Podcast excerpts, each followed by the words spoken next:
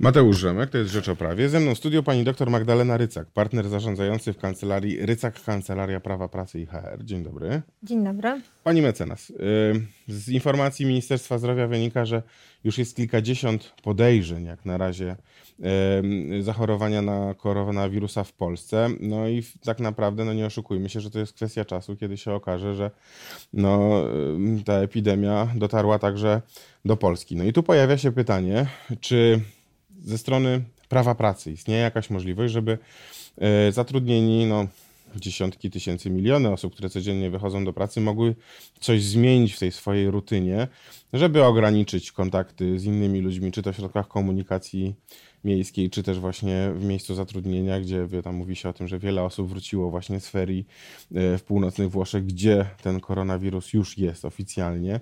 No ale też jest wiele osób przeszło przez lotniska, na których jak wiadomo spotyka się tysiące osób w jednej chwili i nie wiadomo, czy te osoby są zdrowe, czy chore. I wracając do, e, do mojego pytania, czy istnieje możliwość mm, na przykład ograniczenia wychodzenia przez takie e, podjęcie pracy w domu?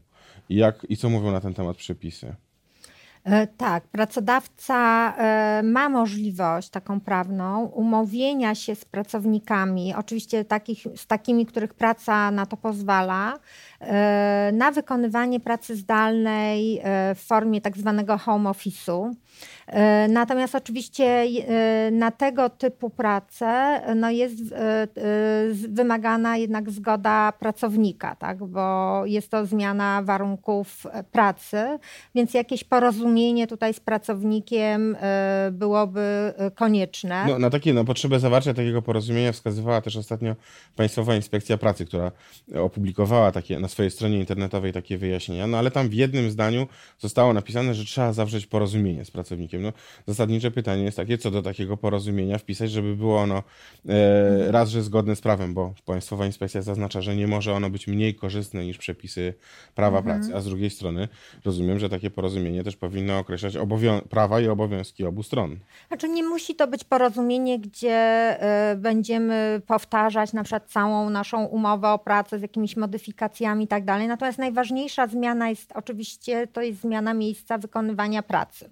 I tu w tym porozumieniu y, musi się to znaleźć określenie, y, gdzie pracownik będzie wykonywał pracę, na jakich zasadach, y, też w jaki sposób będzie się z pracodawcą komunikował, tak, w jaki sposób będzie na przykład przesyłał wyniki pracy, no bo wiadomo, że, że tutaj pracodawca, jeżeli pracownik ma tę pracę wykonywać, ma prawo otrzymać te wyniki pracy.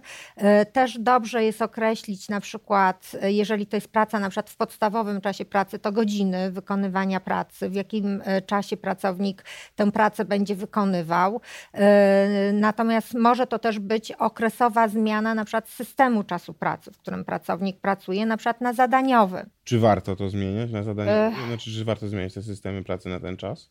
To zależy od okoliczności, tak? Bo jeżeli na przykład pracodawcy zależy, żeby jednak pracownik wykonywał pracę w określonych godzinach, tak? Bo tak pracuje biuro, e, tak e, chce, żeby. Chce mieć z nim kontakt tak, w tym chce mieć z nim kontakt w tym czasie, więc wtedy, wtedy niekoniecznie ta zmiana jest potrzebna, e, jeżeli pracodawcy na tym zależy. Natomiast jeżeli pracodawcy zależy wyłącznie na tych wynikach pracy, nie zależy mu na tym, żeby one, ta praca została wykonana w konkretnych godzinach, to może umówić się z pracownikiem, że na czas tutaj tej zmiany będzie też zmieniony system czasu pracy na zadaniowy, Sąd Najwyższy dopuszcza e, wprowadzanie systemów czasu pracy również w umowie o pracę, więc można takim aneksem do umowy na ten czas e, okresowo zmienić również system czasu pracy. może to też być określenie, mm, jeżeli to nie jest zadaniowy system czasu pracy, e, innego na przykład rozkładu czasu pracy. Na przykład też może to być ruchomy czas pracy na ten czas wprowadzony, tak, że pracodawca ustala, że pracownik ma rozpocząć pracę na przykład między 8 a 10 i pracować następnie przez 8 godzin. E, też e, dobrze by było, żeby w takim porozumieniu znalazły się jakieś postanowienia dotyczące jakichś minimalnych przynajmniej standardów w zakresie bezpieczeństwa i higieny pracy. No to jest ciekawa sprawa, no bo y, zwykle taką pracę w domu regulują kodeksowe przepisy o telepracy i tam jest zasadniczy problem taki, że no wszystko, co się pracownikowi stanie w jego czterech ścianach, prywatnego domu, jakby no, może stanowić podstawę odpowiedzialności pracodawcy za wypadki przy pracy. No i co, co w znaczy... takiej sytuacji? Czy, czy, czy na przykład ta, takie porozumienie, ono jakoś modyfikuje tą odpowiedzialność, czy, czy faktycznie trzeba się tutaj y, wczytać w te przepisy o, o telepracownikach i tam szukać odpowiedzi i o odpowiedzialności pracodawcy? Znaczy, tu jest, można, można to uregulować e, w sposób analogiczny, e, jak przy telepracy, natomiast to jest tak, e, ta, ta, ten home office nie jest wprowadzany na dłuższy czas, tak? On jest wprowadzany pewnie na dwa tygodnie, góra trzy tygodnie, no zobaczymy, zobaczymy co się będzie działo, może dłużej. Natomiast no, wiadomo, że pracodawca ma ograniczone możliwości y, y, takiej bieżącej kontroli tego, w jakich warunkach pracownik wykonuje pracę w domu. E, więc pracodawca na pewno powinien zastrzec e, minimalne warunki e, bezpiecznej, higienicznej pracy, w ramach których ta praca ma się wykonywać. Tak? Natomiast no, tu trudno powiedzieć z góry, co to ma być, dlatego że każda, każda praca jest inna. Każda, co innego pracodawca, czego innego pracodawca od pracownika każdego oczekuje. Natomiast na pewno jakieś minimalne postanowienia dotyczące e, e, tego, że, że ta praca nie może zagrażać życiu, zdrowiu pracownika, tak, że e, też trzeba pamiętać, że pracownik często pracuje na firmowym sprzęcie, więc zasady zabezpieczenia danych osobowych, dostępu do komputera, żeby inni domownicy nie mieli dostępu tak, do, do komputera. Tu już, tu już wchodzą przepisy dotyczące zabezpieczenia danych osobowych, Także to, to na pewno są takie podstawowe, minimalne standardy, które w tym porozumieniu powinny być zawarte. Okej, okay, ale w takim razie wróćmy do tego czystego prawa pracy. A co jeśli taki pracownik wykorzysta całą tą sytuację jako pretekst do tego, żeby sobie zrobić dodatkowe wolne?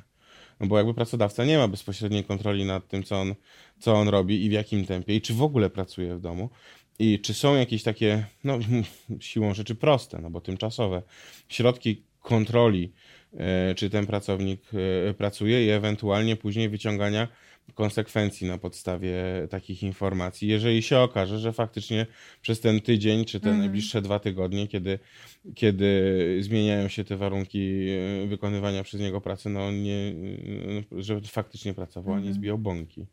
No, generalnie, y, jeżeli pracownik ma telefon służbowy, to pracodawca może w tym czasie w dowolny, o dowolnej godzinie umówionej oczywiście pracy kontaktować się telefonicznie tak, z pracownikiem.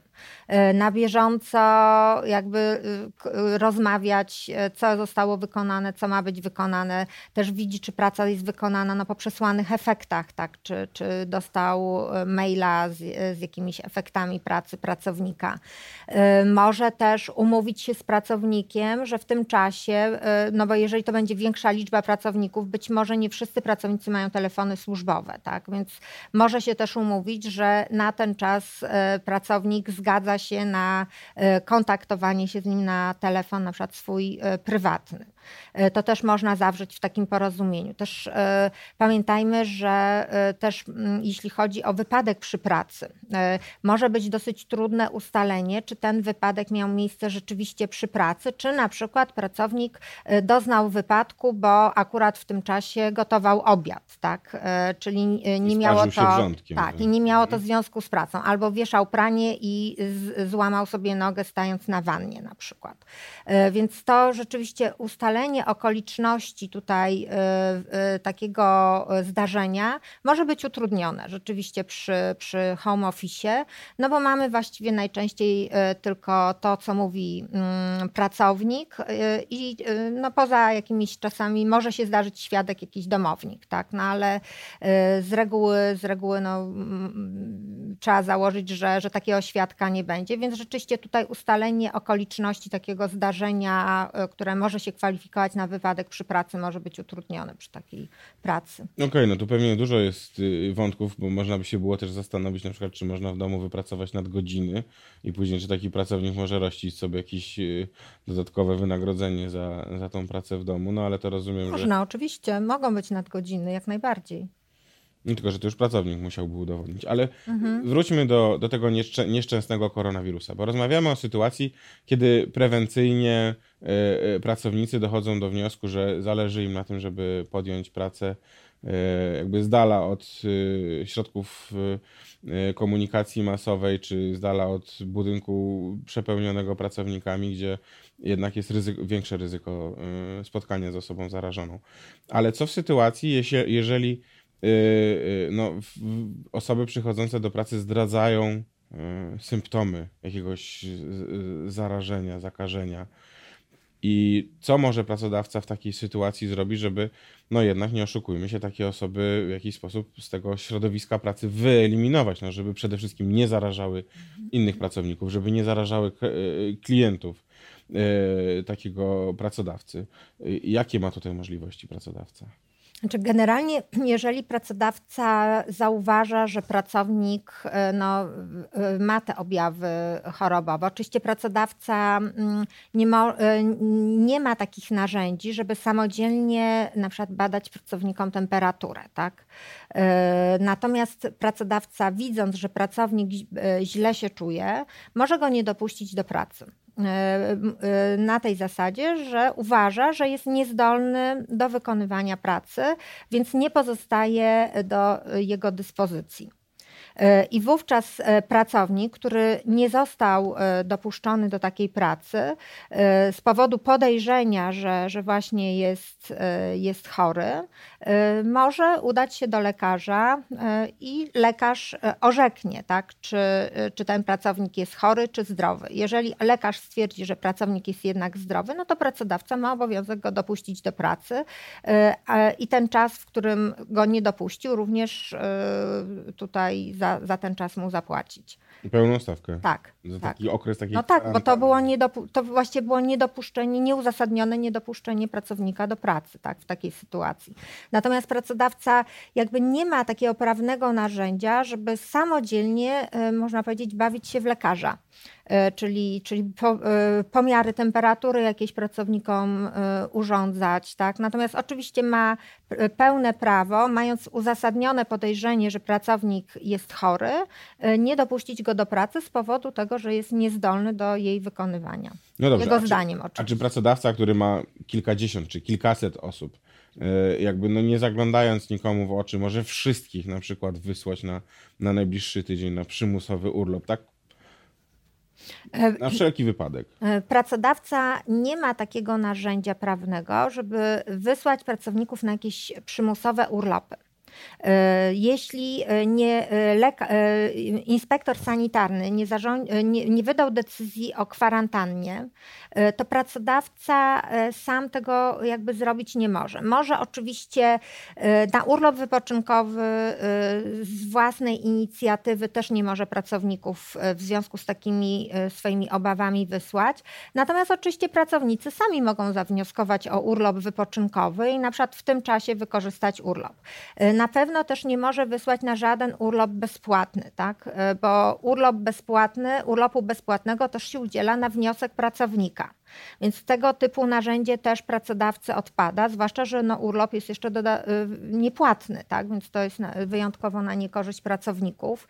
Y, więc tu y, też tylko na tych zasadach, że, że pracownicy na to wyrażą zgodę. Tak? Inaczej... Czyli rozumiem, że pracodawcy nie zostaje nic innego, jak bacznie obserwować swoją załogę i reagować na takie nie, nie, niepokojące przypadki, a w sumie no, tam, gdzie to możliwe oczywiście, no to jeszcze może zaproponować im, żeby na wszelki wypadek przez te najbliższe dni, kiedy, kiedy się wyjaśni, czy, czy, czy są zdrowi, czy chorzy, czy jakieś zagrożenia w naszym bezpośrednim otoczeniu są, czy ich nie ma, no to żeby jednak spróbowali pracować z domu.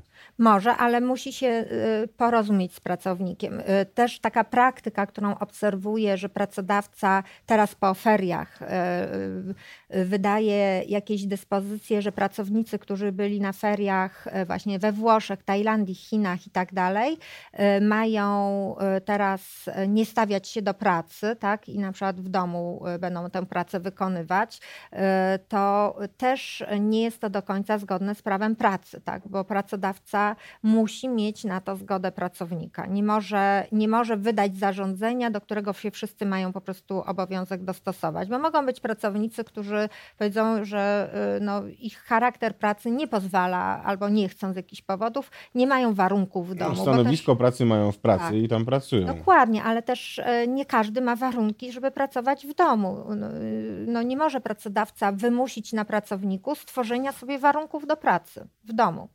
Hmm. Więc e, tego typu praktyki, e, które już widzę, że się pojawiają, e, też nie są zgodne z przepisami prawa pracy. Natomiast pojawiają się oczywiście pytania, czy, czy jeżeli mm, właśnie pracownik no, je, ma to, jest to podejrzenie w stosunku do niego, że, że jednak może, może zaraził się tym koronawirusem, no to od tego są odpowiednie służby medyczne, żeby zbadały sprawę, a nie pracodawca.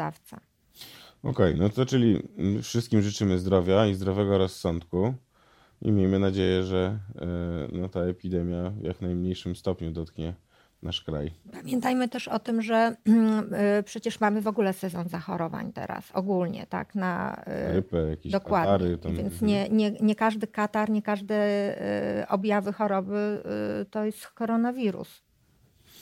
Bardzo Pani dziękuję za rozmowę. Moim gościem była dr Magdalena Rycak, partner zarządzający w kancelarii e, Rycak, Kancelaria Prawa Pracy i HR.